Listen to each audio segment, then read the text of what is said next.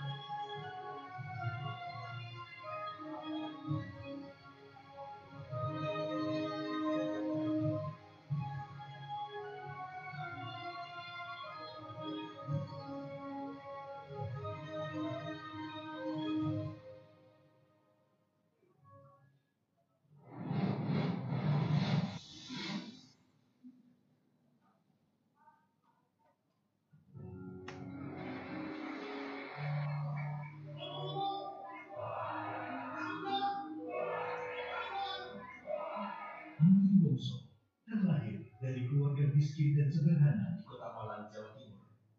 Begitu banyak lika-liku kehidupan yang harus diperjuangkan. Sekolah SD tak lama membuatnya harus pontang-panting menumpah diri dan belajar di universitas kehidupan. Mengubah nasib awalnya hanya seolah kemustahilan, namun dia terus menguatkan tekad, tak kenal takut, halangan dan rintangan. Tahun 1976, mengadu nasib ke ibu kota. Berbagai profesi sempat dijalani, dan sebagaimana layaknya perjuangan, tidak semudah membalik telapak tangan. Tahun 1980, berbekal ilmu kungfu, dia melanjutkan perjuangan dengan menjadi guru kungfu, menciptakan perguruan Hapkudo. Dengan modal kungfu juga, ia berani mewujudkan impian menjadi bintang film di perusahaan Hong Kong dengan lokasi syuting di Taiwan. Sepulang dari Taiwan, tawaran menjadi foto model sempat dilakukannya. Namun, jiwa wirausaha memanggilnya. Dan pada tahun 1982, lahirlah Harvard's, menarikkan ucapan kata-kata mulia dan motivasi yang dikenal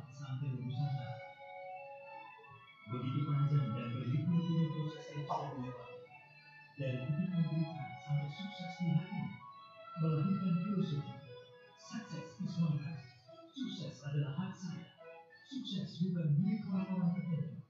Sukses milik Anda, milik saya, dan milik siapa saja yang menyadari, menginginkan, dan memperjuangkan dengan sepenuh hati. Baginya, sukses tidak mungkin diraih seorang diri. Suksesnya didapat karena dukungan terbesar dari keluarga, terutama istri tercinta, Arianti Leni Sajana beserta tiga buah hati mereka Vicky, Wendy, dan Fatih, serta orang-orang yang berperan lain. Kesuksesannya mampu mengilhami keberhasilan orang lain, ia terus bertekad menyebarkan motivasi, inspirasi, dan nilai-nilai wisdom melalui seminar motivasi, siaran radio, buku-buku motivasi, CD inspiratif, website, sosial media, hingga beragam sarana lainnya. Selain memotivasi dan menginspirasi, pada tahun 2015, ia juga mampu menciptakan senam AWS 3 dengan gerakan yang sederhana, namun sangat efektif dan berdaya guna bagi segala umur. Senam AWS 3 merupakan terapi khusus untuk pencegahan dan penyembuhan sakit di sekitar lutut dan saraf kejepit, serta memelihara kesehatan fisik baik. Dia berharap dengan senam ini kita akan sehat, terus semangat, dan rutin melakukannya berakhir dengan bahagia. Satu-satunya di dunia menjadikan senam AWS 3 cepat menyebar ke berbagai komunitas, bermanfaat untuk kesehatan nasional dan mendunia. Seiring perkembangan teknologi yang begitu cepat, dia merambah dunia bisnis berbasis teknologi dengan mendirikan perusahaan Kumpro yang bergerak di bidang pengembangan aplikasi mobile. Dengan segala sarana yang tersaji, Ia berharap akan lebih banyak orang yang terbangkitkan dan terbakar semangatnya. Mari kita bersiap menjadi manusia Indonesia yang unggul, berkualitas, serta mampu memberikan manfaat dan sumbangsi bagi bangsa dan negara. Semoga Tuhan Yang Maha Esa selalu memberikan kekuatan dan tekad bagi kita semua untuk berjuang menjadi insan yang luar biasa. Marilah kita sambut sang pembelajar, Andri.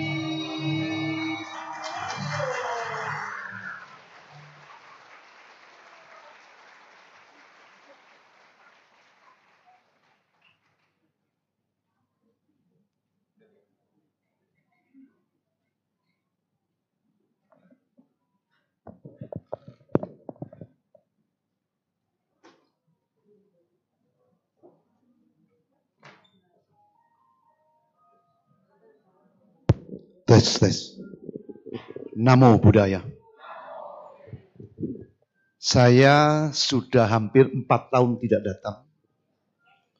Tiga tahun lebih ya. Dulu lima, dua puluh tahun yang lalu yang hadir ini loh. Hampir 90 persen. Ibu-ibu, bapak-bapak, kepala lima, kepala enam ke atas. Sekarang hampir 95 persen anak muda semua. Menunjukkan perkembangan agama Buddha sangat positif. Dan bagi saya pribadi, bersyukur saya kenal Dhamma. Dhamma merupakan satu mutiara kehidupan. Orang salah sangka. Sang Buddha ini Tuhan. Keliru. Sang Buddha adalah manusia biasa, tapi yang luar biasa. Arya, Arya manusia. Manusia biasa yang luar biasa, yang mengerti hukum proses kehidupan. Dikupas kecil-kecil dibagikan ke kita. Apa yang beliau lihat itu terang banget tentang kehidupan. Dan kupasannya selalu buat kita tidak akan lekang oleh waktu. Karena apa yang dibagikan adalah kebenaran. Maka tidak takut. Eipasiku, ajaran damanya. Tidak takut, tidak dipercaya oleh orang lain. Datang, lihat, coba. Nggak cocok, pergi. Cocok, jalan.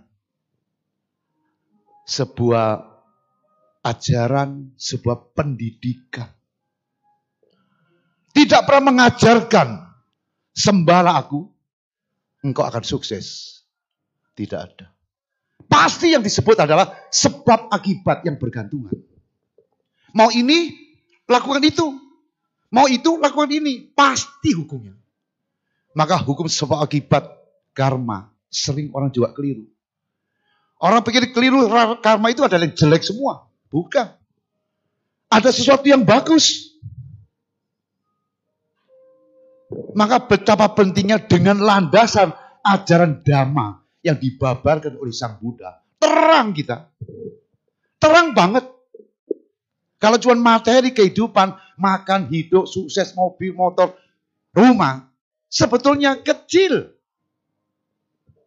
Karena apa yang digambarkan di duniawi, terang sekali.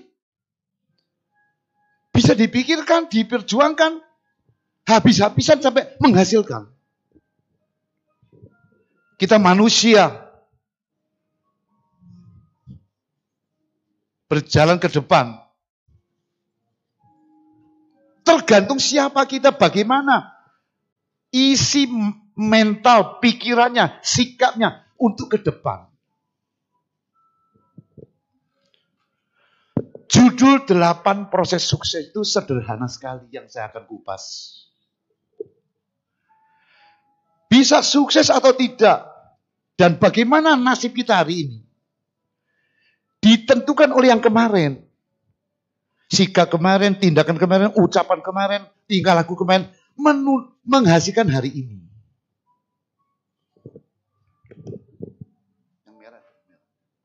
Ke depan sama.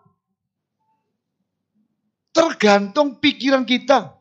ucapan kita, tindakan kita, karakter kita menentukan hasil nanti. Plus karma-karma masa lampau. Saya lahir miskin. Nggak bisa sekolah. Pasti karena masa lampau. Tapi saya nggak sombong. Pinter banget. Tidak kenal dhamma pun bisa kenal. Secara nyata, secara langsung, gampang banget belajar dhamma. Berarti masa lampau dulu saya ini loh.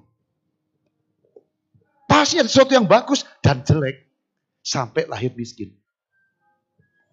Tapi ajaran sang Buddha jelas sekali. Anicca, tidak ada yang tetap di bumi ini. Kecuali hukum perubahan. Karena ada hukum Tuhan yang melingkupi kehidupan manusia. Kita nggak bisa ngomong soal Tuhan ya. Saya bukan bidang itu. Tapi ada hukumnya. Sang Buddha menemukan menemukan pernik-pernik kehidupan manusia yang ruwet, yang bulat itu. Maka muncullah dhamma, ajaran kebenaran. Dhamma bagi saya tidak akan lekang oleh waktu. Sampai sampai seorang Albert Einstein mengatakan, nanti jika ada agama yang bisa melebur ke dalam masa depan, itu adalah agama Buddha.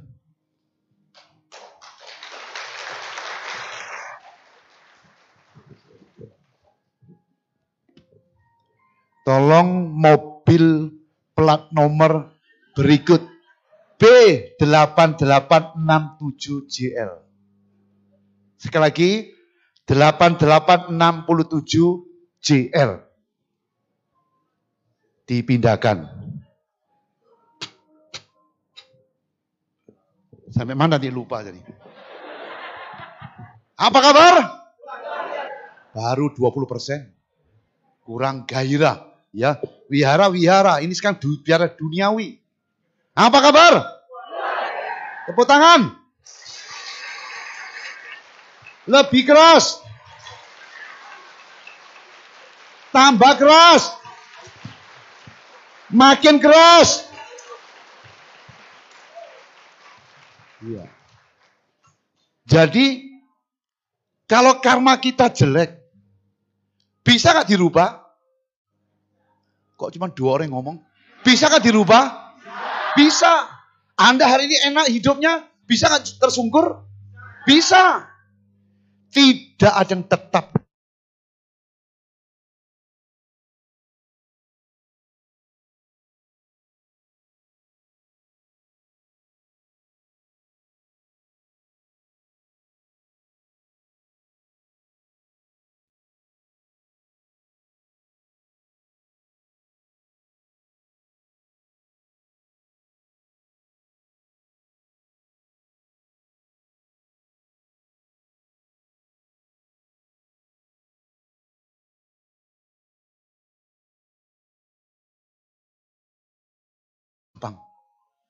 Maka hari ini tema saya adalah delapan proses sukses. Yang utama sekarang kita semua yang di sini, terutama anak-anak muda. Jangan takut ngadap ke depan. Anda miskin, orang tua miskin, Anda nggak punya, kurang sekolah, orang desa, dari kampung, Singkawang, Bangka, Pontianak mungkin, Malang, tidak tidak usah takut. Hari depan milik kita yang punya motivasi. Maka hari ini kita ini loh. Yang utama adalah mengembangkan diri kita maksimal. Ini butuh motivasi. Tolong diklik. Efektifkan kekuatan dan kelebihan dan faktor-faktor penunjang yang Anda miliki. Pada titik sasaran yang besar dan menantang. Saya ulang, efektifkan kekuatan dan kelebihan. Dan faktor-faktor penunjang yang Anda miliki pada titik sasaran besar dan menantang di tempat Anda berada.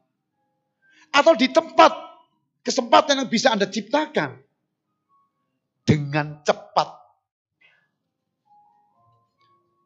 cerdas,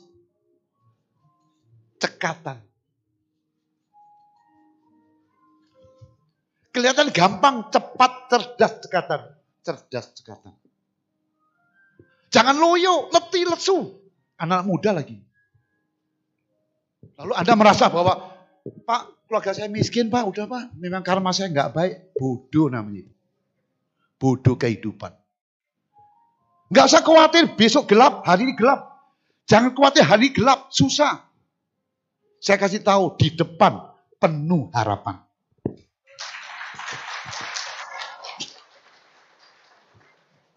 Jadi inti sekarang ini sebagai manusia. Apalagi, apalagi sebagai Buddhis yang punya ngerti dhamma. Jangan percaya hari ini susah. Sengsara, tertutup, bangkrut. Jangan percaya. Besok seperti itu. Tidak. Sekali lagi. Besok menjanjikan kehidupan yang lebih baik.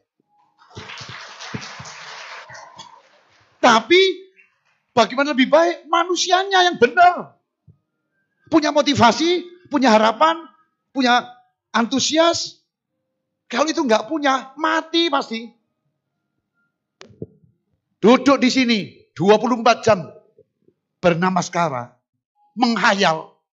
Bantu saya, bantu saya. Bodoh. Ajaran Dhamma tidak pernah mengajarkan kebodohan seperti itu. Sang Buddha, kalau kamu nggak kerja, nggak akan jadi. Sampai beliau ngomong, pencapaian nibbana, pencapaian apa yang dilakukan oleh Sang Buddha, bukan monopoli aku. Engkau pun bisa seperti aku, tapi kamu jalani sendiri. Maka untuk roba hidup di depan, bisa nggak? Bisa. Bisa nggak? Pasti? Pasti bisa. Yang saya tuntut punya apa? Males, loyo, letih, negatif, pesimis. Bisa pak? Bodoh. Tepuk tangan dulu. Maka yang utama, minimal ini loh. Manusia seperti Anda semua di sini. Punyai poin pertama yang akan saya bahas. Think what you dare to dream. Pikirkan apa yang berani Anda impikan. Mimpi nggak bayar. Ngelamun. Nggak bayar. Khayal. Free of charge. Mimpi saya nggak berani. Kemarin saya motivasi di Bandung. Diundang ke kantornya saya. Dia mungkin mau pamer. Terlihat poster saya. Judulnya Tegar. Ada nggak mungkin cari di... Posternya Tegar. Dia bilang, Pak Andi mungkin lupa. Saya umur 24 ikut motivasi Pak Andri Wongso. Tahun 1994. 28 tahun lalu. Sekarang perusahaannya besar, 10 tahun. Dia buka usaha BPR, 10 tahun. Nomor satu terus di Infobank. Ranking satu terus. Dia bilang masih ingat dulu betapa sedihnya kemisian tadi. Termotivasi. Dia bilang ini poster poster yang di, yang disimpan oleh dia. Tak peduli bagaimanapun ganasnya pada kehidupan. Tak peduli bagaimanapun beratnya tantangan hidup. Semua cobaan itu tak akan mampu menggoyahkan seseorang yang memiliki keteguhan, kemauan, dan keyakinan. 28 tahun kemudian sampai jadi dia bicara sambil berkaca-kaca. Sama seperti hari ini. Sekian banyak yang termiskin. Pasti ada di sini yang miskin-miskin. Yang kalah, yang gagal, yang rendah diri, yang kecil. Jangan takut sekali lagi.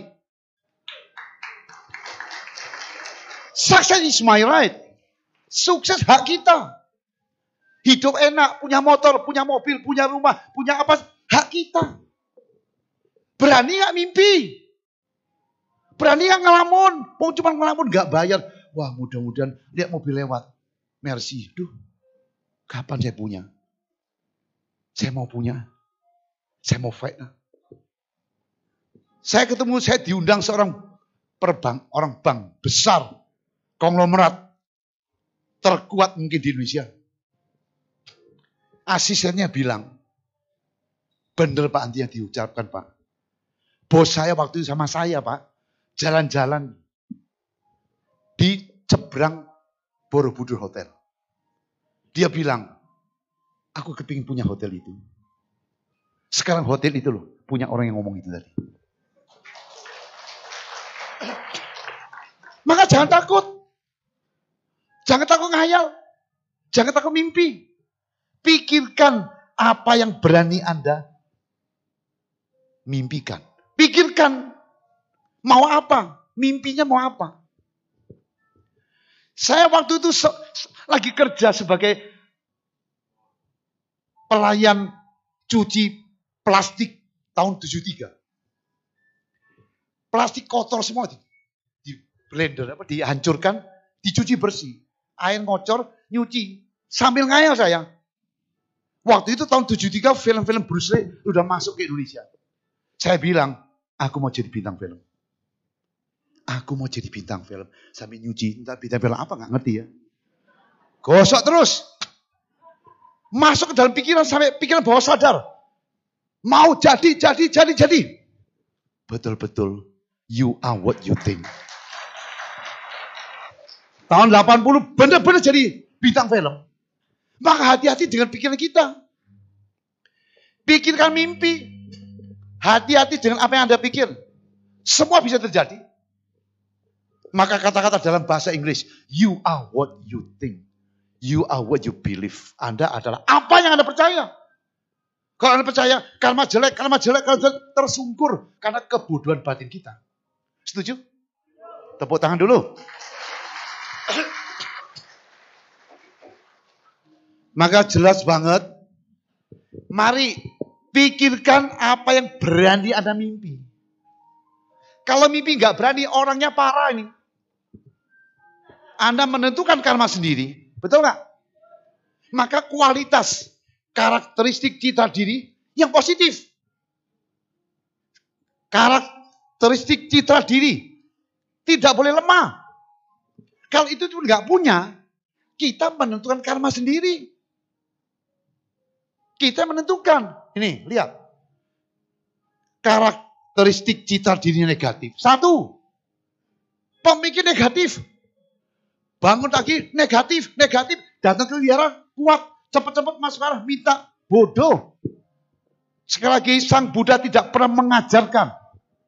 Tahu tanpa kerja, tanpa usaha dapat. Enggak ada. Semua ada sebab akibat. Kalau Anda mau kerja, mau usaha, mau mau sukses, kerja keras. Mau berhasil, kerja keras. Pasti hukumnya. Dua, tidak pede. Tidak percaya diri. Anak muda gagal 10 kali, bangun 100 kali. Gak usah takut. Pede. Paling dianggap orang, sosokan terserah. Sebelum sukses orang boleh ngomong apa pun. Setelah Anda sukses, ngomong apa pun dipercaya orang. Tiga, Selalu bimbang dan ragu. Empat, lunak pada diri sendiri. Gagal sekali kepikiran, aduh kok gini, nasibku jelek, karena aku jelek, si aku gak cocok. Apa sih diurusin? Lima, takut tantangan. Kalau Anda lagi kerja, dikasih waktu kerja orang, dikasih bos, manajemen kasih kita, kita takut.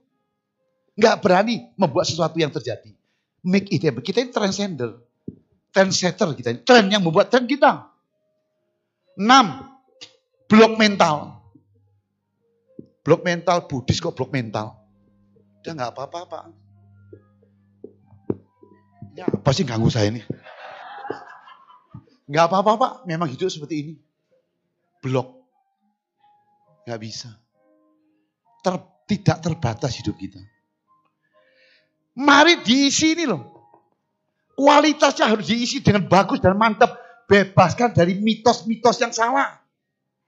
Bebas dari mitos-mitos yang sesat. Kalau terikat oleh mitos yang sesat, Saya anak miskin. Saya kurang sekolah. Saya cewek, saya cowok, saya orang desa. Bapak saya miskin. Ya susah terus selamanya. Ini copot, buang semua.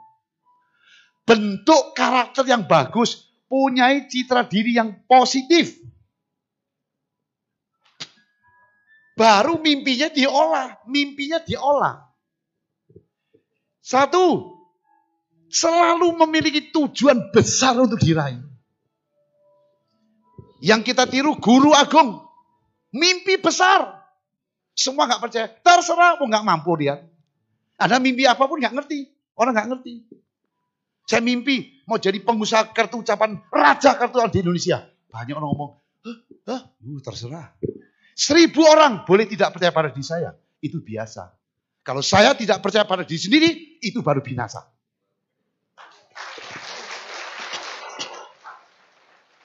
Dua, penuh keyakinan dan percaya diri. Pede, yakin. Paling kalau orang nggak punya, dicap sombong. Sombong lu, sosokan nggak punya apa-apa. Waktu nggak punya apa-apa ngomong gede dicap sombong. Waktu Anda sukses, Anda ngomong apa? Hebat dia pede banget. Tiga, optimis aktif. Hidupnya optimis, aktif. Sang Buddha bukan bukan ngajarkan jalan tengah Pak, soft. Soft cara ngatasi. Tapi kalau masalah di depan, urusan di depan kita harus pakai kacamata. Yang optimis mengatasi masalah pasti beres. Itu mental. Empat, tegar, keras pada diri sendiri. Ada gagal, ada susah, makan sendiri. Itu tanggung jawab kita. Tidak mengeluh, tidak minta bantuan kiri kanan, kasihan diri. 20, 24 jam nama sekarang mohon mujizat. Enggak ada. Kata sang Buddha, tanggung jawabmu sendiri. Karmamu sendiri. Pikiri, jalani sendiri. Lima, senang tantangan, happy, bikin sesuatu. Kita trendsetter. Kita pembuat tren. Enam, open minded, buka pikiran. Buka. Saya pikir tiga tahun nggak datang diundang, ya udah terima maksimal separuh, nggak tahunya penuh sesak, luar biasa. Berarti open mind, open mind, open mind. Mari perbesar mimpi. Lamunan, khayalan, ngayal aja. Tapi dicatat. Dipikirkan. Supaya bisa jelas dan tahu arah ke mana. Pikirkan. Ada seorang cerita di desa. Sekolahan. Muridnya nggak banyak. Waktu itu gurunya memberi pelajaran kepada anak murid. Anak-anak, pelajaran mengarang hari ini adalah cita-citaku. Semua cerita tampil di depan satu-satu. Anak murid cerita saya jadi polisi, petani, pengusaha, apa segala macam. Ada satu dia cita-citaku. Mempunyai perkebunan besar. Mempunyai villa besar. Mempunyai hotel besar. Waktu diucapkan, gurunya dan anak-anak bilang, itu mimpi. Mimpi yang tidak punya kenyataan, nak. Besok diulang kembali, tulis kembali yang sederhana. Gak usah gede-gede mimpinya. Kalau tidak, kamu akan tidak lulus karena kamu terlalu besar mimpinya. Besok anaknya datang lagi. Ibu, inilah cita-cita saya. Ya udah, seperti target semula, Anda tidak dapat angka yang baik. Berpuluh tahun kemudian berjalan. Gurunya masih tetap guru itu tadi. Pas bikin acara jalan-jalan keluar kota. Di pegunungan, di perkebunan buah, di hotel. Pas masuk sana. Dia menikmati. Waktu menikmati ngobrol sama anak murid yang baru. Luar biasa tempatnya ya. Dingin, asli. Kita di kebun buah. Hotelnya bagus. Pas ngomong gitu, sebelahnya ada anak muda yang ngomong. Ibu, yang bikin adalah murid Anda dulu yang Anda celah. Dan sekarang atas didikan Anda, saya telah menjadi orang berhasil. Seperti yang saya mimpikan.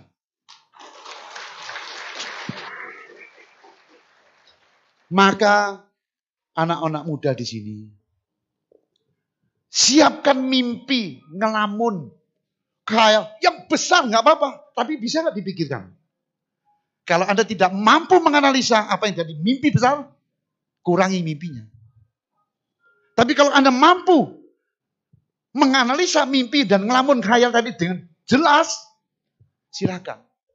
Semua produk ini, semua produk di dunia tidak ada tidak lewat khayal, mimpi.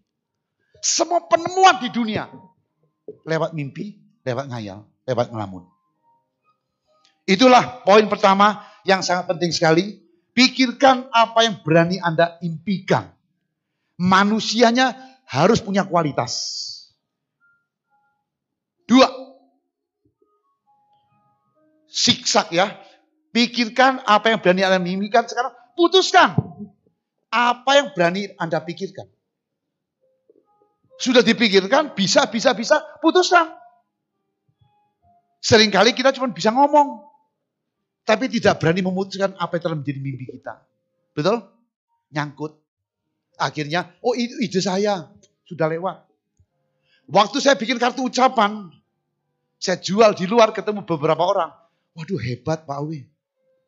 Saya dulu mimpi kayak Anda juga seperti ini. Telat, nggak ngomong, cuma ngomong doang. Nggak beri keputusan.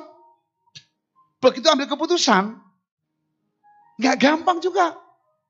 Paling gagal kok. Tapi anak muda ngayalnya lebih banyak gagal daripada sukses. Saya kasih tahu anak-anak muda di sini. Pelan semua gagal, belajar gagal. Saya kasih tahu anak-anak saya. Lulusan Amerika, Australia. Kalau kamu nggak pernah makan gagal, Jangan harap bisa sukses. Makanlah gagal sebagai vitamin untuk sukses. Maka putuskan apa yang berani Anda pikirkan. Karena apa-apa di dunia ini, apa-apa yang ada di dunia ini, apa-apa yang tidak mungkin hanya sering kali belum pernah dicoba. Kalau Anda berani mencoba, memungkinkan terjadi. Apalagi zaman online, lihat gila semua perkembangan online luar biasa. Dari mana? Mimpi, ngayal. Diputuskan, dijual. Jadi, banyak mujizat-mujizat kata orang. Banyak suatu kejutan sukses. Dari mana? Berani mencoba. Maka jangan takut. Jangan takut mimpi besar. Maksimal gagal. Gagal adalah vitamin untuk sukses. Setelah apa-apa yang dijalankan dan setelah memutuskan, pikirkan, putuskan, rencanakan. Rencanakan apa yang berani Anda putuskan. Siksak ya. Rencanakan apa yang berani Anda putuskan. Sudah diputuskan, jalan. Proses. Ini masih Rencana loh. Maka pikirkan apa yang berani Anda mimpikan, putuskan apa yang berani Anda pikirkan. Rencanakan apa yang berani Anda putuskan. Rencana gak usah ruwet, kecuali bangun rumah. Kalau punya ide biasa aja, rencana kasar aja, jalan. Nabrak gagal, gak apa-apa anak muda. Saya lebih senang ketemu anak muda yang sering gagal daripada sekali sukses. Pasti teropos. Bentur karena bentur gini. Saya ngalami bentur karena kiri, karena kiri. Eh ternyata nggak ada yang nakutkan. Ya tadi itu, vitamin. Gagal adalah vitamin sukses bagi siapa saja. Poin keempat. Lakukan apa yang berani Anda rencanakan. Habis diputuskan, direncanakan, selesai. Nggak cukup, lakukan. Jangan nato, knock action, talk only, ngomong doang. Nggak pernah jalan.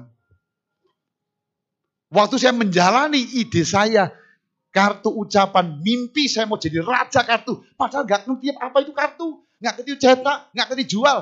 Terserah, mimpi dulu. Catat. Catat terus. Lakukan naik motor. Keliling barang kecil, mimpi besar, barang cuma gitu. Ditolak, bangkit, tolak, bangkit, tolak, bangkit. Tolak, bangkit, tolak, bangkit. Lama-lama ada orang yang beli juga. Dari situ adalah embrio. Jika ada satu orang yang beli, pasti ada dua orang beli. Dengan hati yang tulus, dengan kekuatan motivasi, terus, dan produk yang bagus, akhirnya cukup lima tahun saya jadi miliarder.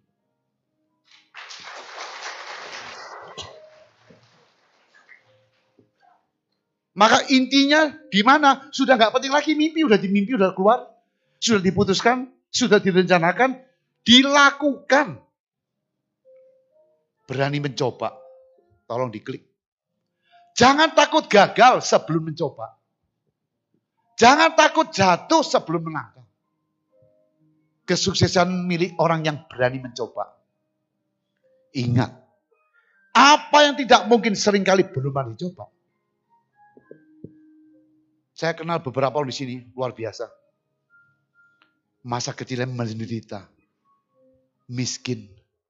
Ditinggal orang tua. Tapi punya motivasi. Benturan. Depan belakang. Sampai matang.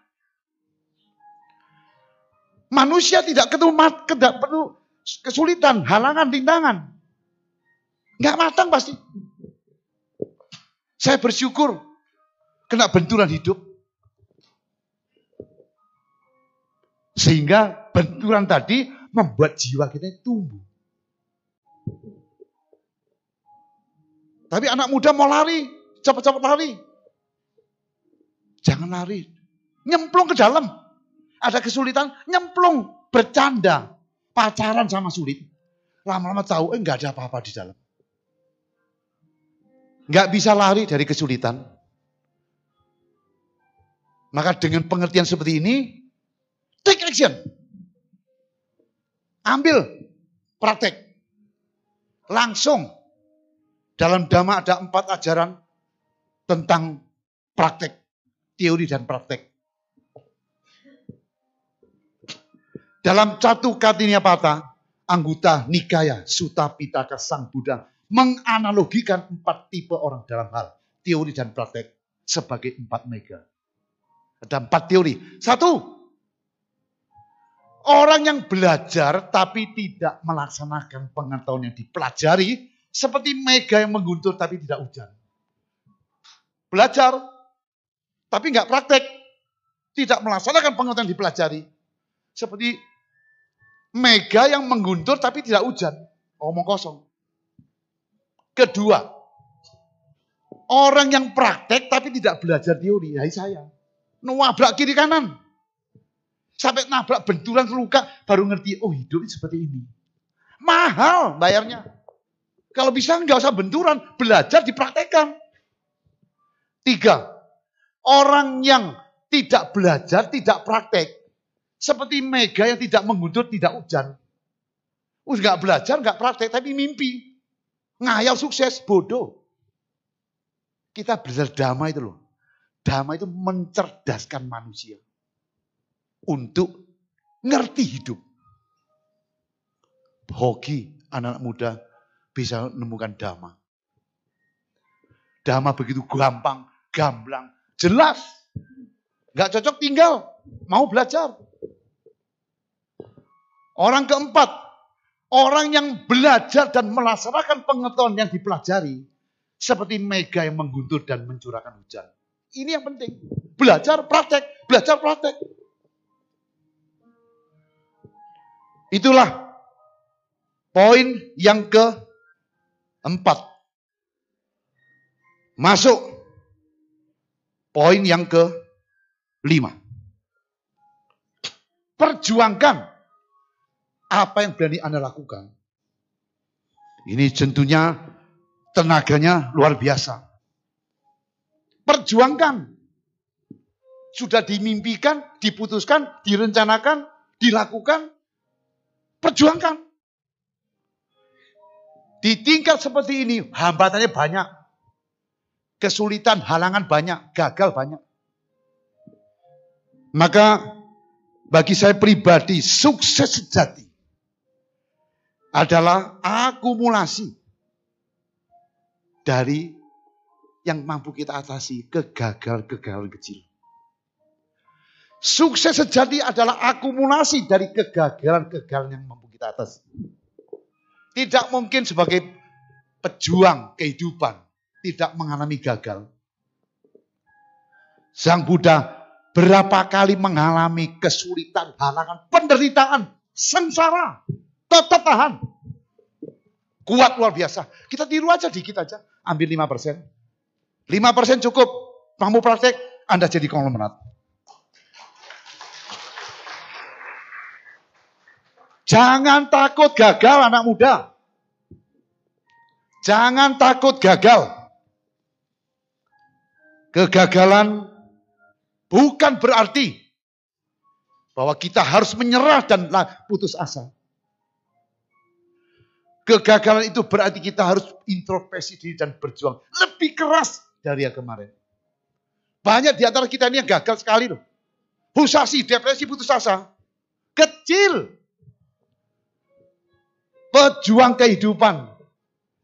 Harus makan garam asam ke depan.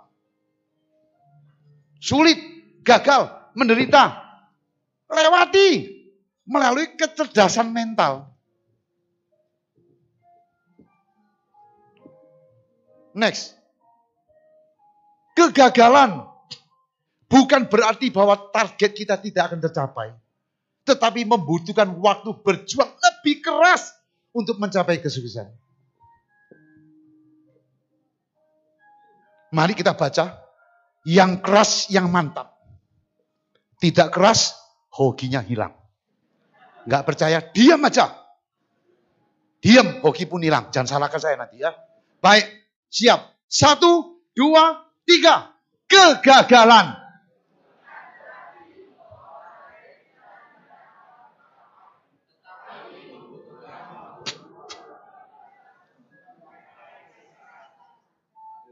Suara menentukan hoki. Kegagalan bukan berarti oh, pasti melarat pasti. Ulang sekali yang lebih keras. Satu, dua, tiga. Kegagalan bukan berarti tidak akan tercapai. Tetapi tepuk tangan luar biasa. Satu lagi. Kegagalan bukan berarti bahwa keyakinan kita telah runtuh. Kegagalan itu justru meyakinkan kita bahwa proses perjuangan untuk menuju sukses semakin dekat. Lebih keras bisa? Satu, dua, tiga. Kegagalan bukan berarti bahwa keyakinan.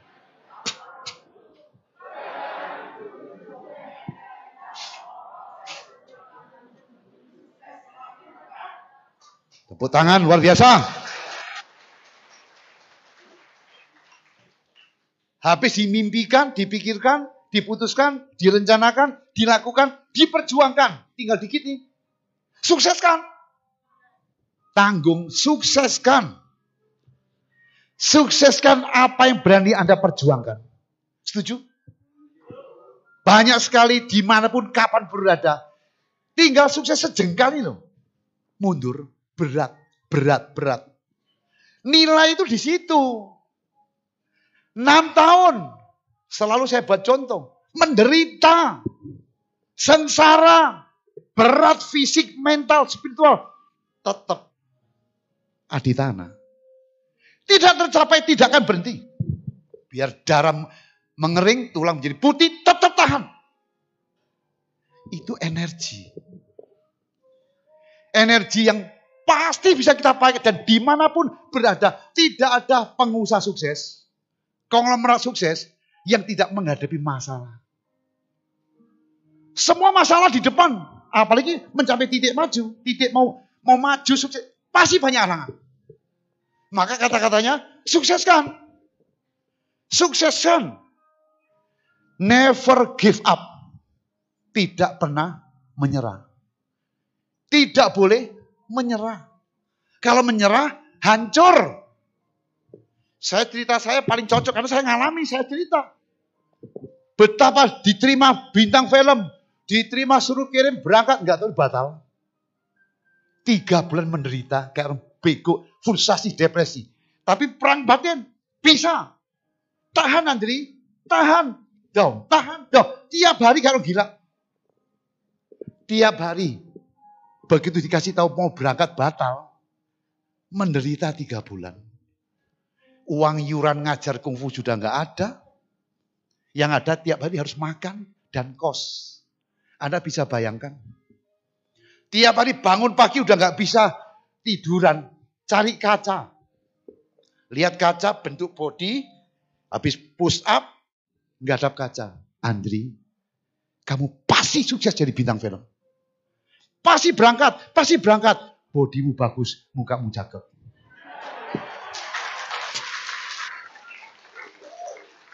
Demi Buddha, itu yang saya jalani benar-benar. Ternyata pikiran manusia punya power yang besar sekali. Punya kekuatan yang besar. Pantas Sang Buddha mengatakan, Dhamma mengatakan, 2500 tahun lalu sudah ngomong. Pikiran adalah pelopor.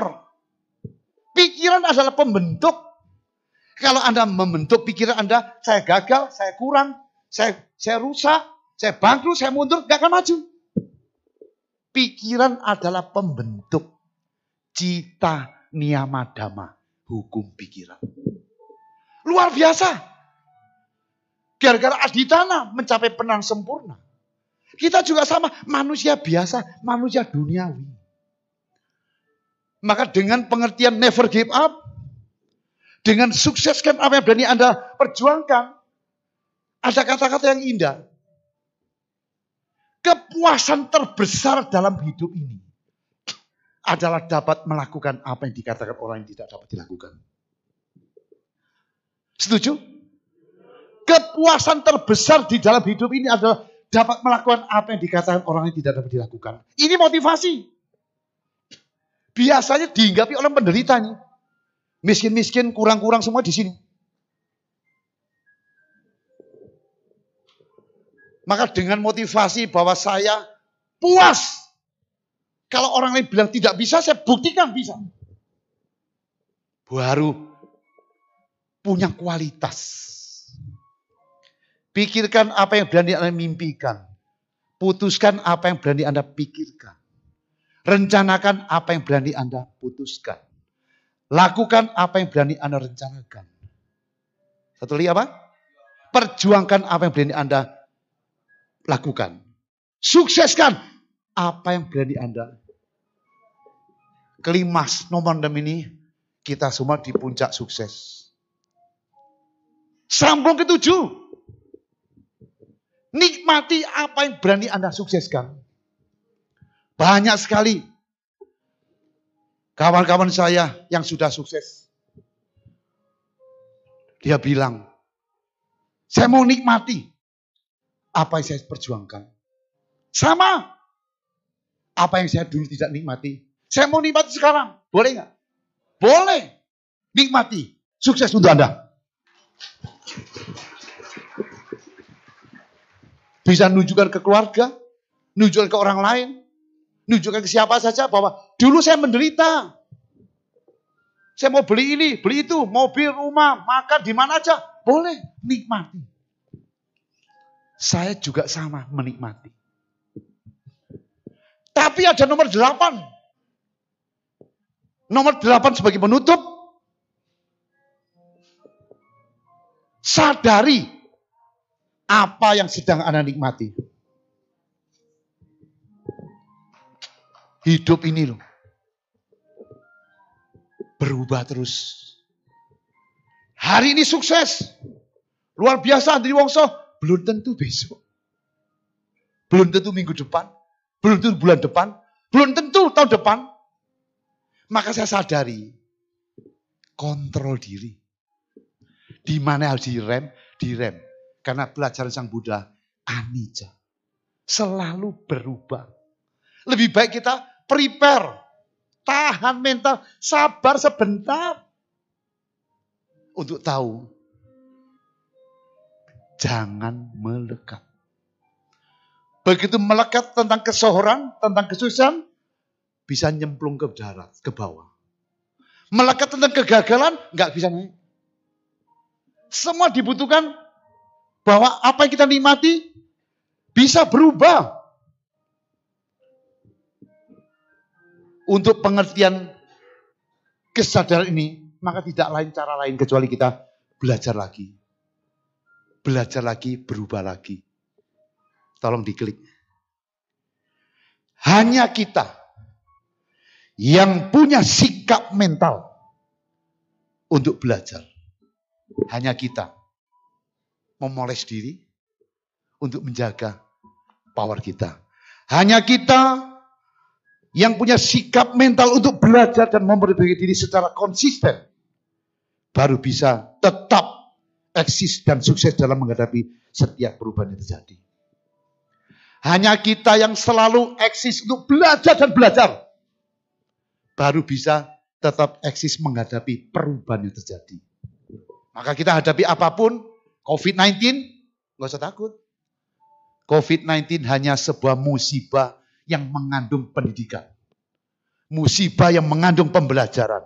Musibah yang mengandung apa itu cobaan. Siapa yang nyoba? Hidup. Hidup yang nyoba.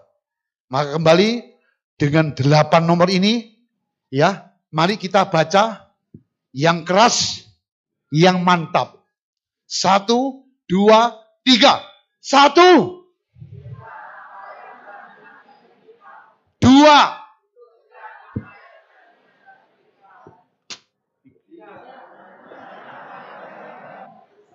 Empat.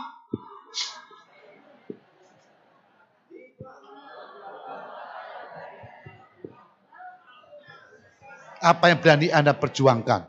Tujuh, nikmati apa yang berani Anda sukseskan. Delapan, tepuk tangan untuk Anda.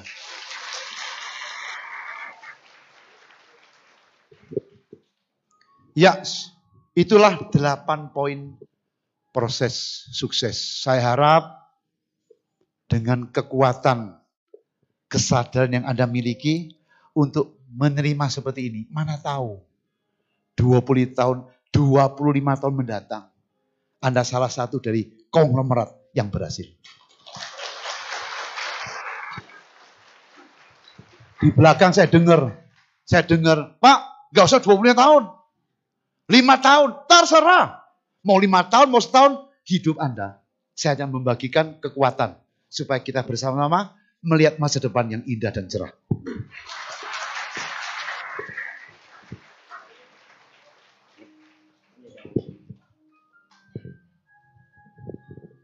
Baik, saya kembalikan ke MC siapa?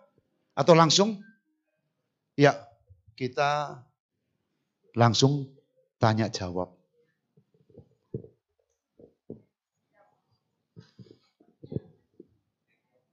Mike.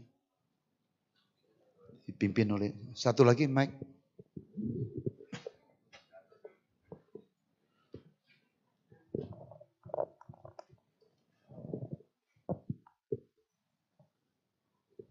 Kalau bisa tidak ditulis. Ngomong aja nggak berani bagaimana sukses, betul nggak? Tapi kalau belum kuat ya nulis ya nggak apa-apa lah. Ya daripada nggak berani gimana? Tepuk tangan dulu.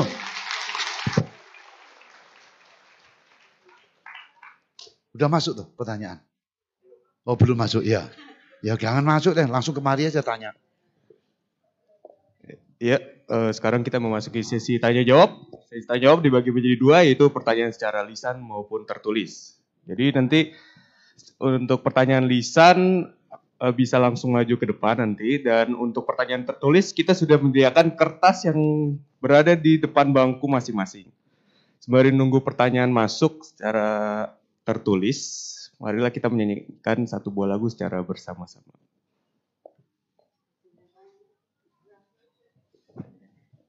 Oh nyanyi dulu. Oh ya saya juga nyanyi. Ayo. Lupa saya. Saya kira langsung. Sorry, sorry. Ayo.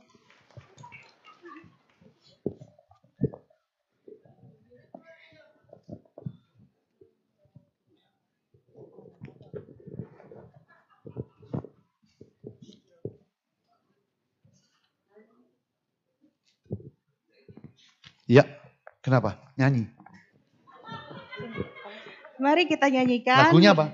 eh, hadirkan cinta, Pak. Oh, hadikan cinta. Kirain Woman Pu Iyang. Di halaman 92. Kita nyanyi sama-sama ya. Ada nggak di tulisannya di sini? Nggak ada. Ada kertasnya? Ya, saya lupa-lupa ingat karena waktu itu direkam saya. Ya, oke. Siap. Hadirkan cinta. Wih, ngeri.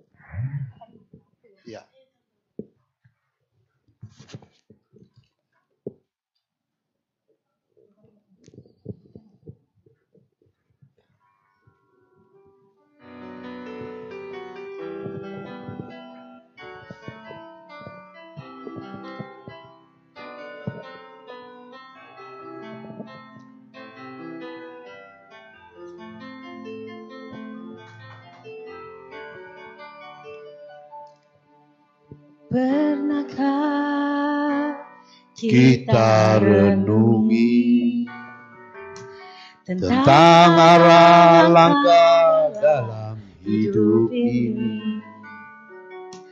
Tebarkanlah cinta kasih dulu hati agar bahagia terjadi.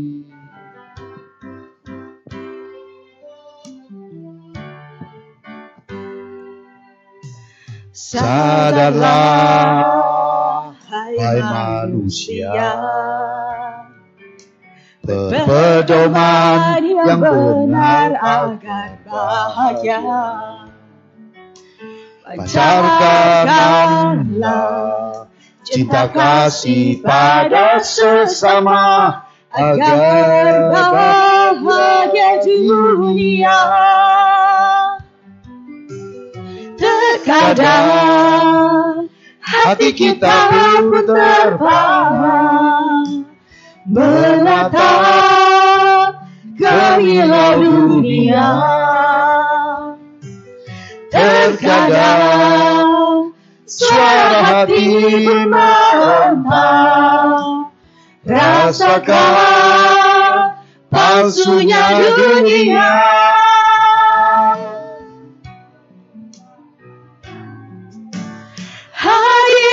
Cinta Satukan rasa di dada Pancarkan kasih pada sesama. Bahagialah semesta. Jauhkan diri Dari amarah di hati Agar seluruh alam berseri Menyambut indahnya dunia ini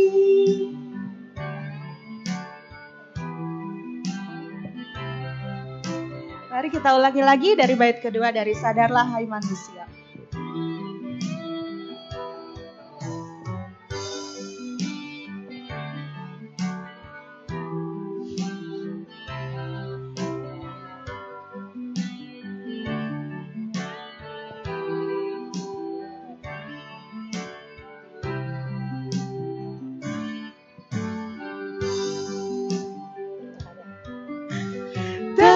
Terkadang hati kita pun terpana menatap kehilau dunia. Terkadang suara hati meronta rasakan palsunya dunia.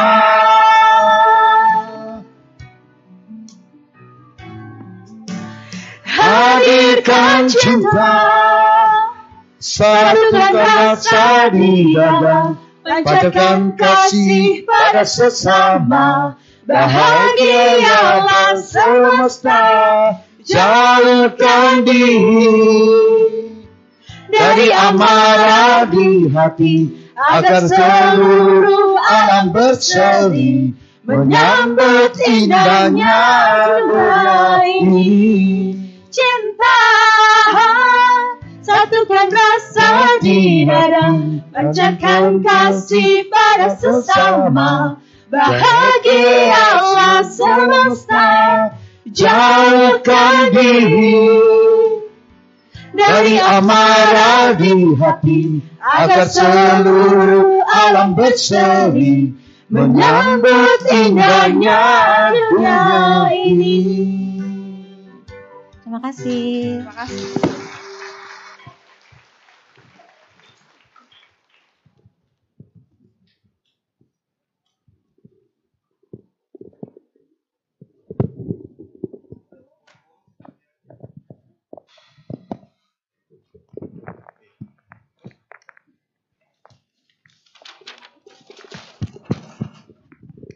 Oke, eh, pertanyaan tertulis sudah ada di tangan saya beberapa dan sekarang kita memasuki pertanyaan yang lisan. Mungkin umat ada yang mau bertanya secara lisan bisa langsung maju ke depan saja. Silakan hanya untuk orang berani dan sukses. Sambil baca dulu. Ya.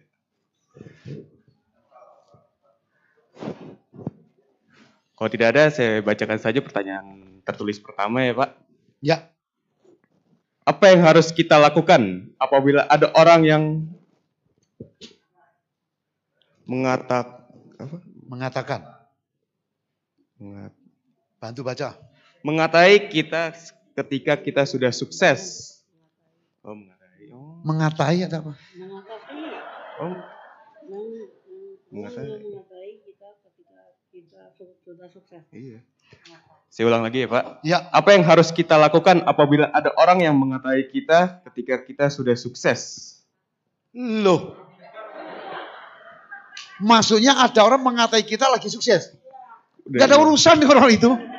Sama sekali gak usah takut. Orang sukses, baik hati loh, dianggap nipu. Wuih, waktu Anda pede, dianggap sombong. Kita sukses bukan dari mulut mereka. Nikmati perjuangan Anda. Yakini Anda luar biasa. Jangan digoyahkan oleh omongan orang luar. Waktu kita miskin, diomongi. Waktu gagal, diomongi. Waktu sukses, diomongi. Lebih baik daripada gagal diomongi, sukses diomongi lebih mantap. Ya, silakan. Tulisannya ruwet semua kelihatannya. Yang ini aja dulu. Iya susah bacanya. Yang kedua, nama budaya Pak Andri. Apakah kesuksesan seseorang berkaitan erat dengan berbakti kepada orang tua? Terima kasih. Woi, pasti. Itu bagian penting dari terpenting dari proses sukses. Orang tua jaga. Macam-macam orang tua, ada yang orang tua cerewet, betul? Cerewet menang sendiri macam-macam. Tetap sabar. Jaga sampai beliau tuh puas banget. Karena kita nanti juga jadi orang tua. Kalau jadi anak saja tidak mampu melayani orang tua, udah pasti. Saya sudah kehilangan dua orang tua, terutama mama saya. Dari kecil dididik. Keras sekali. Pernah suatu hari ini, main layang-layang. Dari kecil kan main layang-layang seneng. Saya nggak boleh keluar, suruh kerja. Cuman lihat di jendela, lihat ngisi kue sambil lihat jendela, anak-anak lari semua. Wah, happy sekali. Lihat layangan putus. Layangan putus rebutan. Saya nggak bisa main. Di situ nunggu. Setelah jam 4 selesai, udah sana main. Baru main, hujan. Hoki. Besoknya, jam 4, main sana. Wah, terang layangan. Lupa diri. Kemalaman pulang. Udah ambil kemocing di belakang. Hajar semua. Hajar. Cuci paling cuci cuci baju sendiri. Habis cuci diikat lagi. Tali diikat. Maksudnya dihukum lah. Selesai. Selesai mandi. Makanan yang saya senangi. Nasi goreng sama air jeruk nipis panas. Sudah di depan. Biarpun mama sadis. Tetap mencintai anaknya. Dari itu saya ingat terus. Saya ingat. Zaman dulu cara ngajar sama sekarang beda. Anda hari ini anak-anak itu gebok, itu digebok ganti. Anak sekarang Digepuk, oh berani gepuk mah, diajar juga. Saya tidak ada sakit hati. Justru saya berpikir, dulu nggak keras seperti ini, saya nggak nggak jadi seperti ini. Tapi yang jelas bahwa mama itu ya, apa pun terjadi, tetap mencintai anaknya. Maka harus berbakti nomor satu. Nomor satu, harus berbakti. Itu Master Chen Yen, ya, Buddha suci yang di Taiwan. Ditanya orang, Master, kenapa Buddha suci tidak bikin apa panti jompo? Beliau bilang, setiap rumah anak adalah panti jompo bagi orang tua. Luar biasa. Jadi nggak ada panti jompo rumah sakit ada, panti jompo nggak ada. Kita lah anak-anak yang selagi punya orang tua, sayangi semuanya untuk orang tua.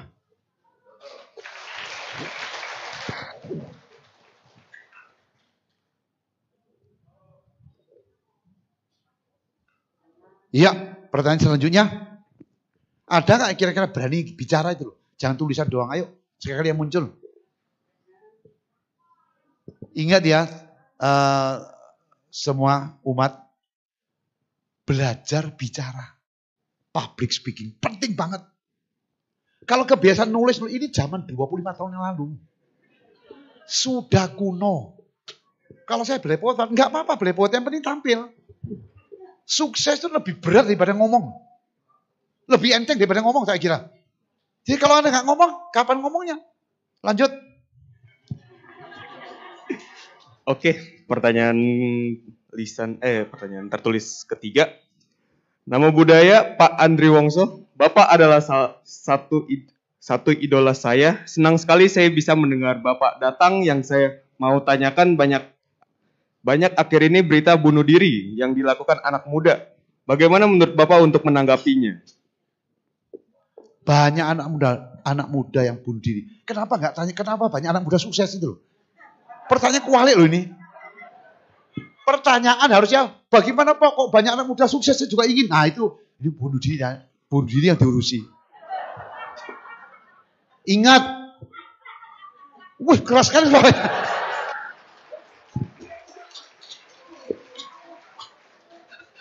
Biar telat yang penting keras suaranya.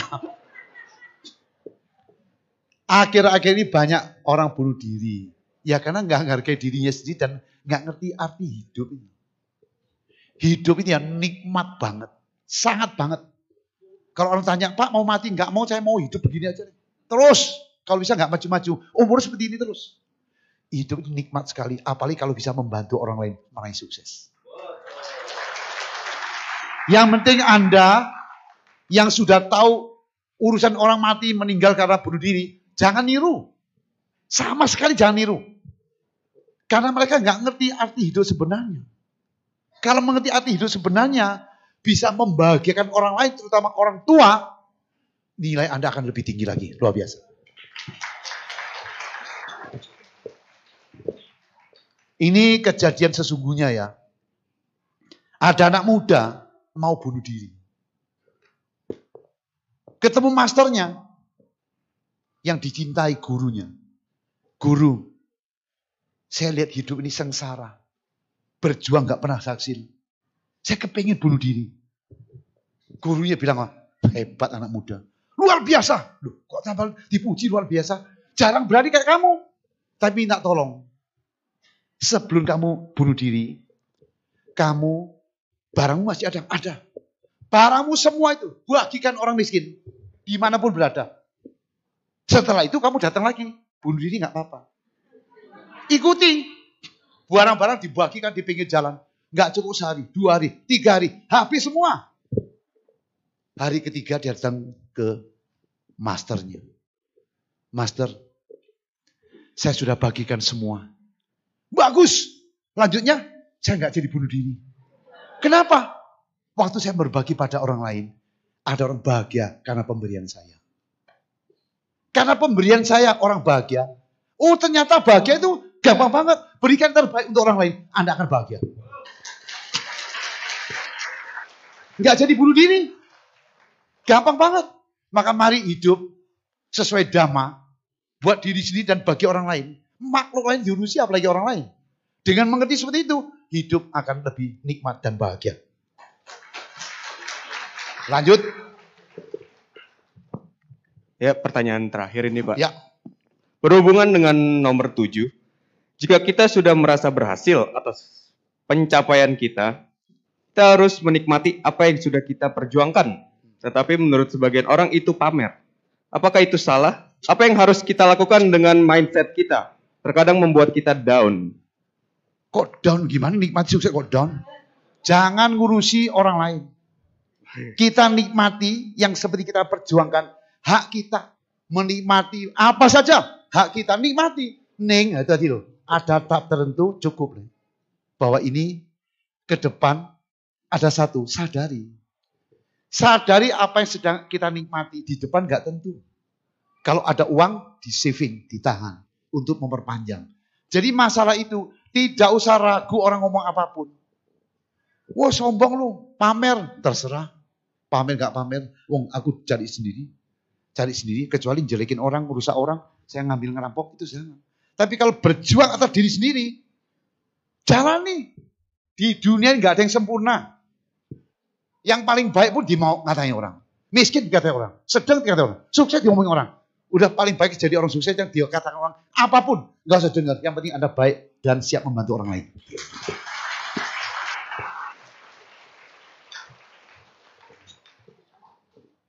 Dan pengumuman sedikit ya. Tanggal 7 Oktober saya diundang resmi untuk Persatuan Bulu Tangkis seluruh Indonesia. Untuk memotivasi atlet-atlet nasional dan atlet junior yang akan berjuang di kejuaraan dunia dan kejuaraan di Denmark Open. Ya, 20 tahun lalu saya bawa anak-anak mencapai puncak juara Thomas Cup, juara Olimpiade, juara dunia. Kali ini mengundang saya lagi. Semoga apa yang saya sampaikan bisa berhasil dengan luar biasa. Dan jangan lupa kunjungi TikTok saya. TikTok, udah. Ya, Facebook, Twitter. Facebook nggak banyak, cuma 1,3 juta kok. Hari ini saya sebar nanti, biar orang tahu saya datang ke Daman Sukabumi. Selesai?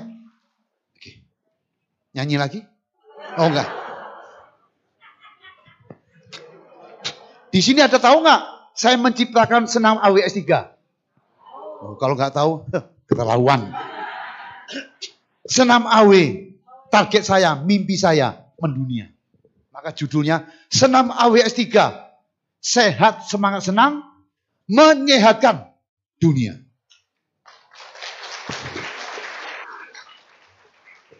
Jadi dengan senam, badan sehat, teman banyak.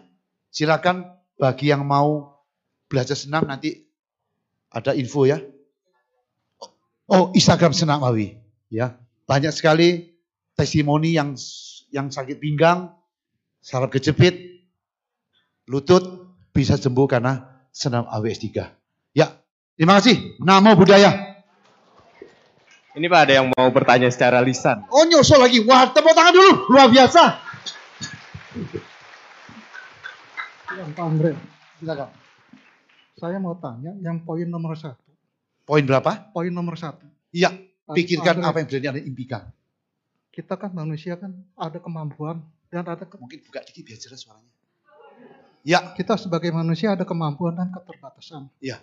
Jadi kalau talenta kita tidak nggak sampai sana, bagaimana kita mimpikan? kalau apa? Tidak, talenta kita nggak sampai sana. Target tidak jam, talenta tidak Ya, cukup. iya. Apa yang harus kita? Baik.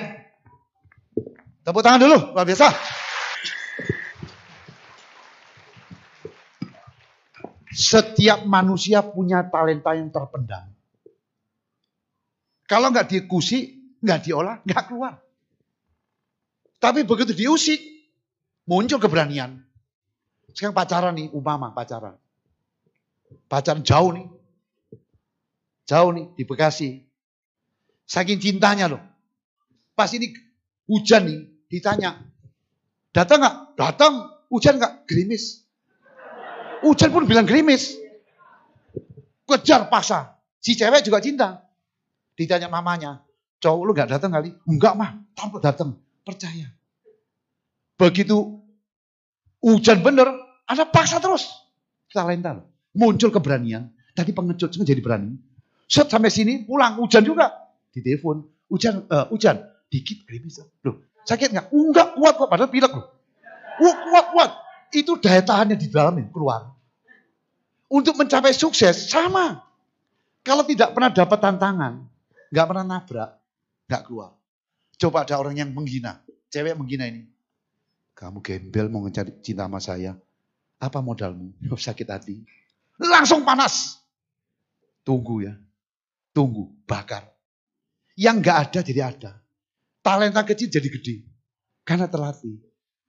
Zaman saya nggak punya apa-apa, mengerti. Talenta nggak ngerti. Apa motivasi, talenta, duit, nggak ngerti. Yang penting menderita. Setelah menderita, berjuang, berjuang. Oh baru tahu.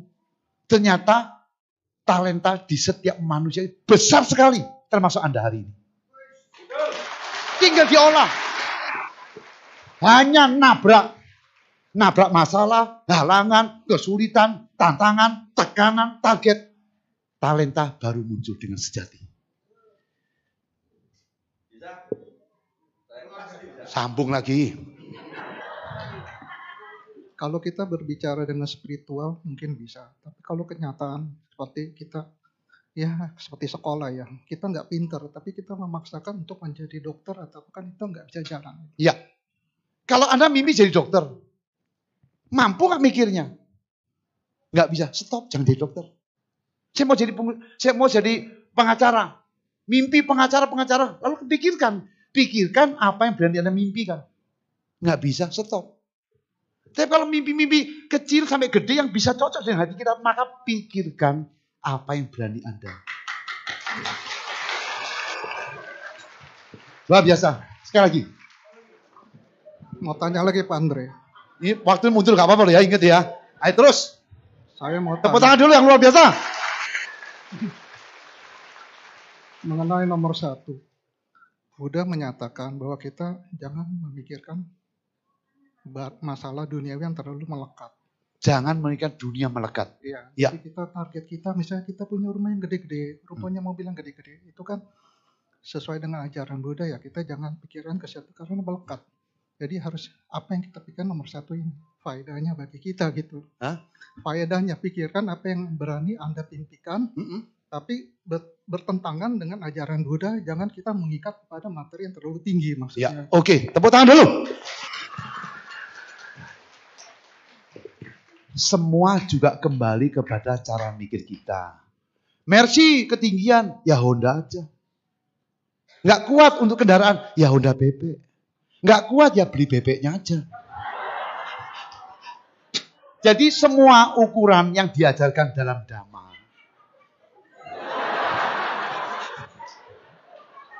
Semua kelompok sini yang ketawa semua ini. Yang diajarkan oleh dhamma. Kalau Anda mengembangkan keinginan lebih gede, bisa menderita. Mau menderita? Ya nggak usah mimpi, udah gampang banget kok sama. Nggak usah mikir aneh-aneh. Nggak mau mobil, nggak usah mau, nggak usah mobil, nggak mau rumah, nggak mau kawin. Ya udah biasa aja, nggak mampu. Itu terjemahan yang keliru. Kita ini duniawi. Sang Buddha mengingatkan kemelekatan penderitaan. Kalau terlalu tinggi. Nah kita mikir mampu nggak? Kalau mikir mampu nggak cukup ya jangan. Jangan dipraktekkan dalam hal yang keliru. Keinginan duniawi, man- kita manusia masih duniawi. Masih mau uang? Masih. Nah, mau, aduh tahu. Sekarang mau, saya kasih duit sekarang, satu miliar. Tolong habiskan setiap hari. Nggak akan habis.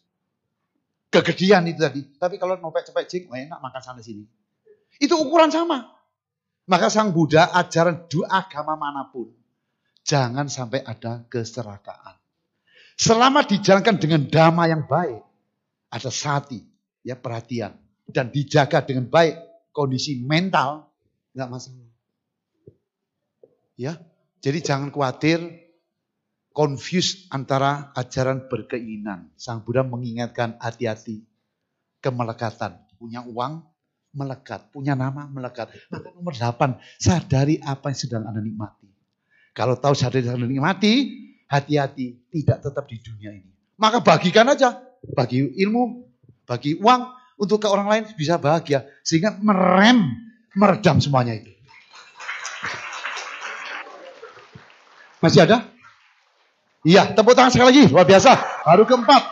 Berarti yang terakhir dari Pak Andre Wong saya bilang itu sesuai dengan ajaran Konfusianisme ya. Jadi Konghucuisme. Iya, Konfusianisme. Jadi kita harus mengajarkan apa yang kita tahu untuk dibagikan kepada semua. Iya, itu. Betul. Luar biasa. Ya. Tepuk tangan sekali lagi. Yuk.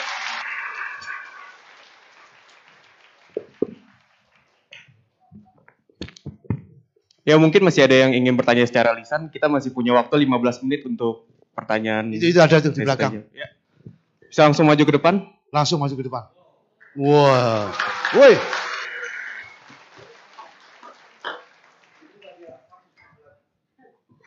Namo Buddhaya Pak Andri. Nama budaya. Eh, saya ingin bertanya tentang poin satu juga. Ya.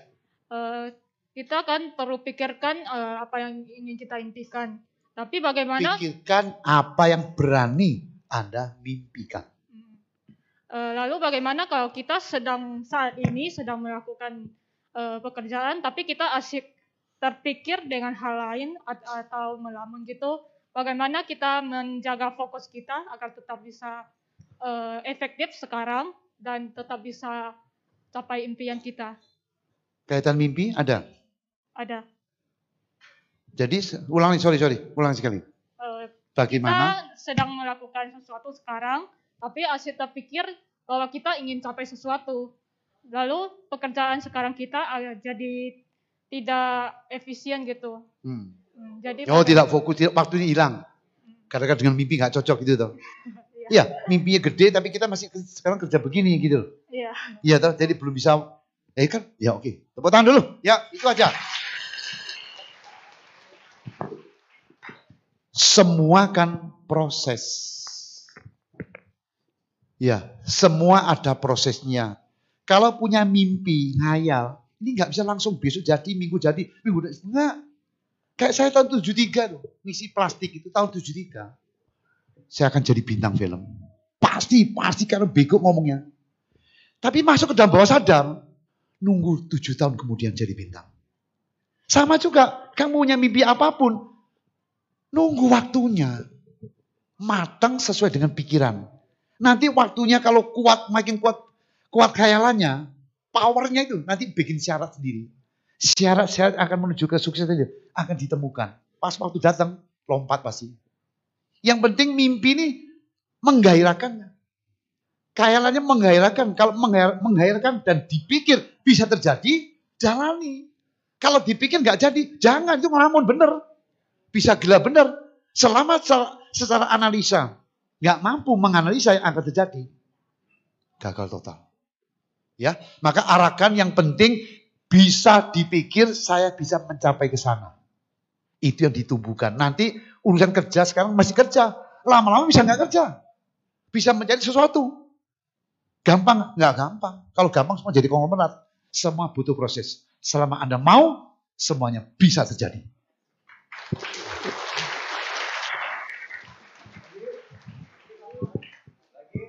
Ya, oke. Jangan ditantang terus lagi terus lagi terus ya. Ya, satu lagi. Apakah ada lagi? Ya, langsung saja. Itu ada itu. Ya, oke. Ah, ini ibu-ibu nih luar biasa nih. Iya, tepuk tangannya mana?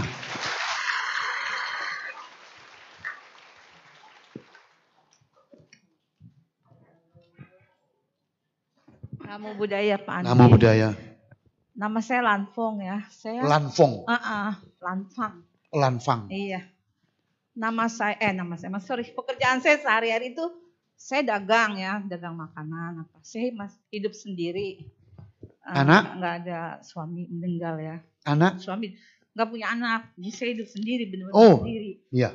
Saya berjuang sendiri ya. Hmm. Terus jadi semua dari tadi ngomong itu punya mimpi, punya Hmm. mimpi gitu ya. Iya. Semua pasti punya mimpi. Iya. Saya dari masih muda, Nggak punya kayaknya saya mimpi. nggak pernah punya mimpi hidup saya. Nggak punya mimpi ya? Nggak pernah, bener-bener saya Tidur pun nggak punya hidup mimpi ya? datar aja. Oh datar mimpi aja pun ya. jarang, tidur mimpi pun jarang. Jarang. Jadi hidup saya bener-bener datar gitu ya. Iya. Jadi saya mau tanya gitu. Ngelamun bisa ngelamun. Enggak juga, enggak Nggak ada juga lu ngelamun nggak bisa. Ngayal, ngayal, ngayal. Enggak pernah juga dah kayak. Oh jadi mohon maaf, suami meninggal lama. Hah? Suami meninggal udah lama. Baru empat tahun ya, udah menjalani. Empat tahun. Iya. Sakit gitu, kena kayak covid gitu. Bukan covid tapi kena kuman. Terus cuman bakteri itu saya mau nanya, Hmm. saya udah setua begini umur saya udah itu berapa? 60. Hah? Umur saya udah 60. Jauh 60 di bawah saya jauh. Di bawah saya jauh ya. Benar. Iya maksudnya udah umur 60 Iya, gitu. iya, iya. Untung aja saya kayak masih dikasih kekuatan ya untuk dagang apa. Yang ngasih Seperti- siapa? Masih masih dikasih kekuatan sama yang di atas. Oh yang di atas. Woi kasih lagi mas. Sama Kasih Tuhan. jodoh yang di atas. Eh. Maksudnya sama Tuhan gitu. Masih punya kekuatan. Ada sehat gitu ya hidup. Iya. Jadi saya masih bisa dagang. Hmm. nggak ada keluhan sakit apa ya. Hmm. Karena saya emang happy hidupnya gitu selama hidup. Nggak Dagang banyak apa bu? pikiran. Makanan ya. Iya, siomay dimsum sama bakso goreng. Oh, Tapi Catat, saya, catat, catat. tapi Catat. tapi iya. saya titip di lapak dan punya enam reseller. Saya punya reseller banyak ya. Hari-hari dia saya nggak menjual sendiri reseller. Iya reseller ya. Ya, Pertanyaannya? Pertanyaannya, umur seperti ini maksudnya masih bisa nggak punya mimpi gitu ya satu ya. Kedua, Loh kok mimpi pasti bisa lah bu? masih Suami bisa- aja bisa kok masih mimpi. boleh nggak gitu? Masih Punya boleh nggak? mimpi ini udah umurnya udah mendekati, mendekati masih udah 60 Apalagi tahun. mendekati apa ini? Udah 60 tahun maksudnya. Pak, udah gitu.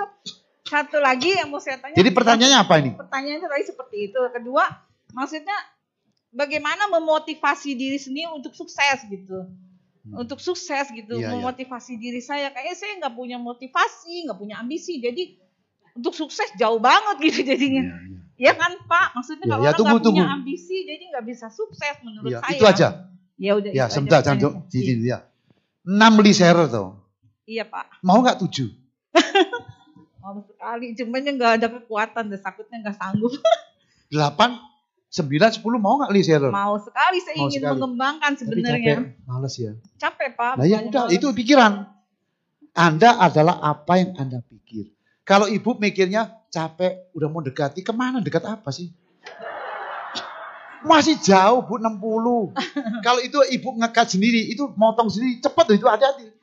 Cepet. Cepet ke sana jangan. Iya. 60 itu baru awal hidup. Masa awal hidup. Lu kok masak bener? Udah tua. Udah tua Pak ini 60. Masa Saya ini loh awalnya hidup? 68, tampang 38. Istilahnya saya ini pacaran yang masih laku bu. Confidence banget Kok malah Bapak. mikirin mati di atas? Waduh, masih jauh. Percaya dirinya 60. hebat Pak. Bapak. Enggak, enggak, bukan. Memang itu hidup. Di Cungkuk lihat. Kemarin saya sebar foto 98 tahun Iya, cewek betul. masih naik ke pohon, Betul, naik ya. turun. Kuat banget. Iya, 60 masih hidup. Bila pun Iya. cari cari suami lagi. Lah kalau mimpi nggak ada nggak dapat. Loh, bisa aja mimpi datang orang pas orang ada yang mau Pak. orang tua, orang umur enggak Bu, orang umur 65 nganggur duitnya banyak, cari cewek yang cocok. Wah, ini cocok nih, Bang. Mungkin terjadi. 60, Pak. Tapi kalau ibu tidak menghidupkan sign tadi, seperti HP nggak punya apa sinyal, ya nggak Iya. ketemu. Saya lihat ibu masih hidup lama. Tepuk tangan dulu dong. Oh. Munculkan mimpi-mimpi lewat kerjaan. Oh, 6 reseller, 7 lah. 8, satu-satu aja.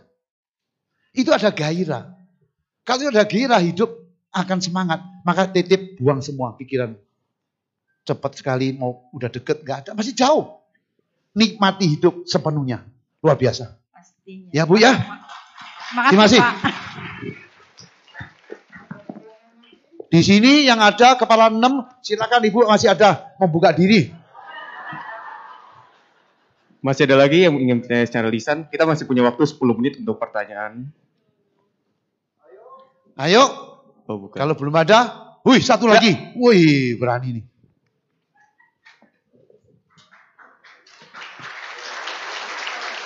Nah, ini perjodohan. Nggak jadi nanya jadi.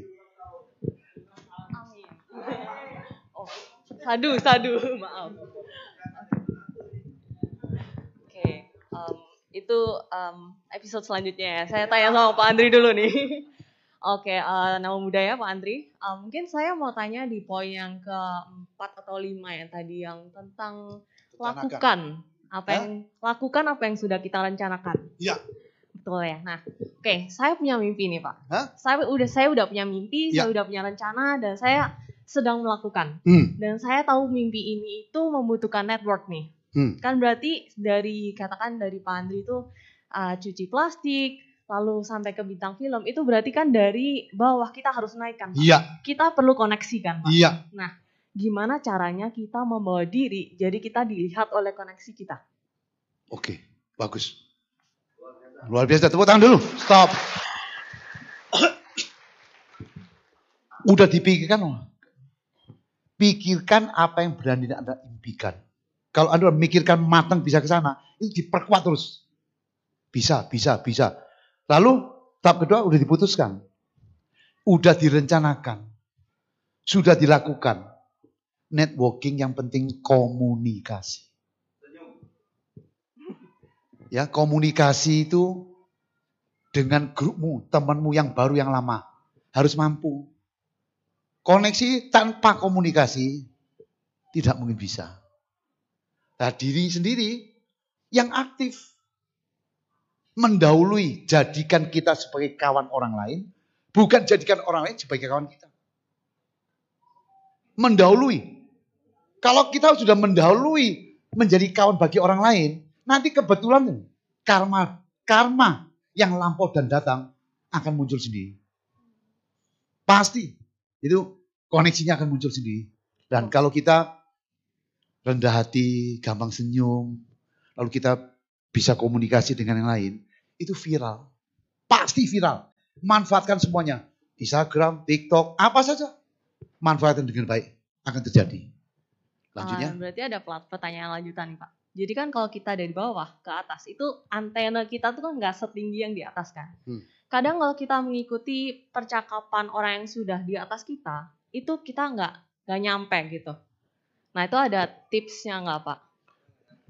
Misalnya nih, em, kalau misalnya yang udah konglomerat nih, kita pasti ada kayak rumor-rumor. Oh habis ini pajak yang seperti ini. Oh habis ini pemerintah akan melakukan seperti ini. Nah berarti kita tidak bisa jika kita menginisiasi sesuatu, kita tidak memiliki informasi yang cukup untuk menjadi beneficial untuk mereka.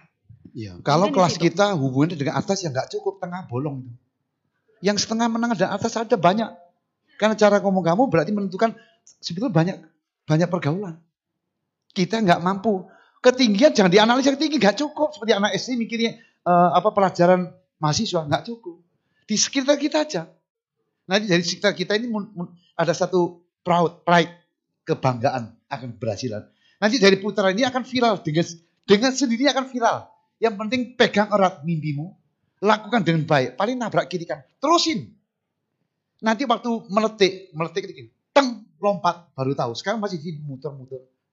Yakini akan terjadi seperti itu. Gambarkan gambar yang positif semua bisa terjadi.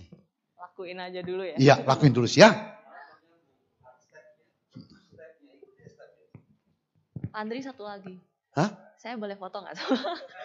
Foto. Ayo sini ya langsung. Ya soalnya saya tahu habis ini pasti ada yang mau minta foto. Copot. Copot masker. Sendal copot. Cakep nggak? Ambil mantu.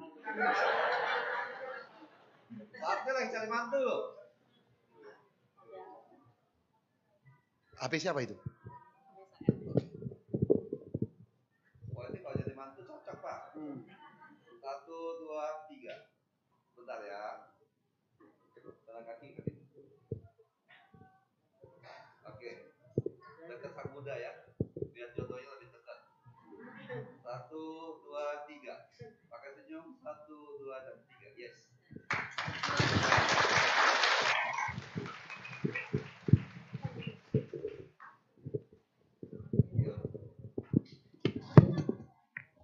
Pak Andre, sekalian saya bertanya ya. Namo budaya. Eh, dari tadi kita sudah mendengarkan ceramah dari Pak Andri Wongso, motivasi dari Pak Andri Wongso, betul ya? Yang kita lihat ada proses susah langsung menjadi senang. Pasti ada titik yang paling sulit yang Pak Andre pernah lakukan, pernah lewati Pak. Boleh nggak Pak Andre Wongso cerita kepada kami semua, apalagi saya lihat nih banyak sekali anak muda yang harus kita guide bagaimana menuju satu step menjadi step berikutnya. Perlu? Mari kita dengarkan sama-sama ya. Ini bagian gua, Pak.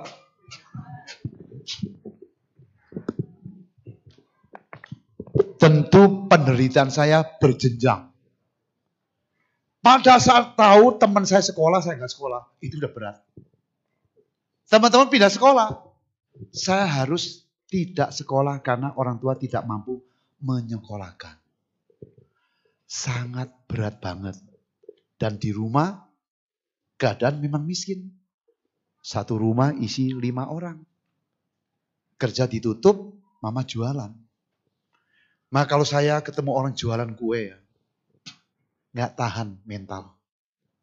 Selalu berusaha untuk membantu dan berpikir ini kayak mama saya. Itu tahap seperti itu kayaknya gampang ya, coba sendiri aja. Mau sekolah nggak bisa sekolah. Maka saya dendam, dendam positif. Anak saya semua harus punya pendidikan luar negeri semua. Tahap selanjutnya, mimpi. Mimpi tadi loh, mimpi main film, khayal. Tujuh tahun proses menderita setengah mati. Latihan keras. Latihan keras membabi buta. Dengan khayalan yang mimpi yang belum itu terjadi. Mau ngayal, nggak tahu teori. Berat banget. Latihan di gedung, gudang kosong, bau banget. Gudang asem, gelap. Zaman segitu tahun 70 nggak boleh latihan orang. Latihan berarti melawan hukum. Latihan, berat. Sampai Jakarta, ya kerja sebagai salesman sabun. Punya mimpi jadi bintang, tiga bulan udah berhenti, nggak kerja. Bintang nggak dapat, nganggur. Itu setengah mati.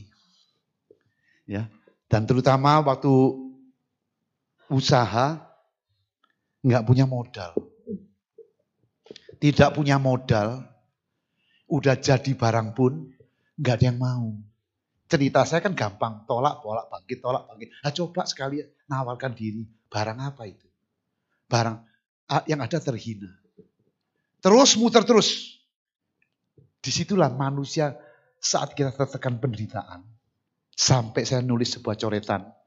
Hanya penderitaan hidup yang dapat mengajarkan kepada manusia akan arti dan indahnya kehidupan. Hanya penderitaan hidup. Jadi kalau saya melihat teman-teman saya yang menderita, dulu-dulu menderita, dia tegar, kuat, keras. Salut saya. Sama seperti saya. Jadi jenjang terus gini terus, macam-macam. Semua adalah proses. Maka titipan saya bagi anak muda di sini. Jangan takut menderita. Kata Sang Buddha, life is suffering. Hidup adalah penderitaan. Maka kalau nggak menderita, sadari. Komplit damai itu. Semua masalah bisa beres. Komplit. Oh, jangan serakah. Ya jangan, tahan. Mau mimpi ke sana, mau gede lebih gede. Pikirkan, merusak nggak? Kalau saya sukses itu merusak orang lain, menghancurkan orang lain. Jangan. Jangan lakukan.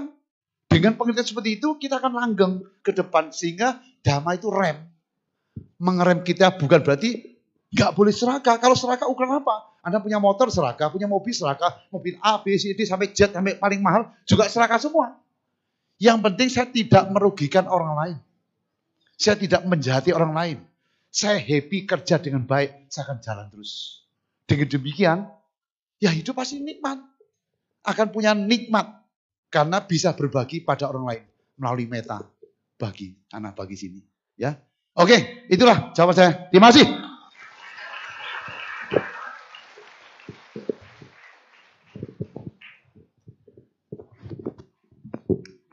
Oke, selesailah uh, sesi tanya jawab pada pagi hari ini karena berhubung dengan waktu yang sudah siang semua.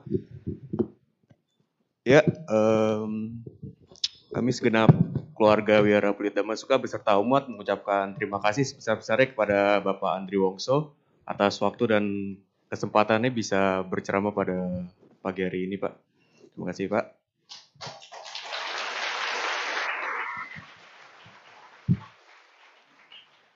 Oke, baiklah.